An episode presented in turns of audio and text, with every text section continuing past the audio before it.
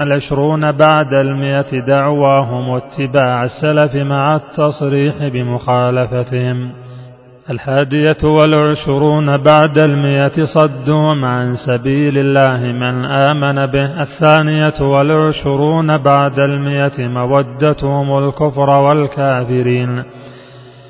الثالثة والعشرون بعد المئة والرابعة والخامسة والسادسة والسابعة والثامنة والعشرون بعد المئة العيافة والطرق والطيرة والكهانة والتحاكم إلى الطاغوت وكراهة التزويج بين العبدين والله أعلم وصلى الله على محمد وآله وصحبه وسلم انتهت مسائل الجاهلية.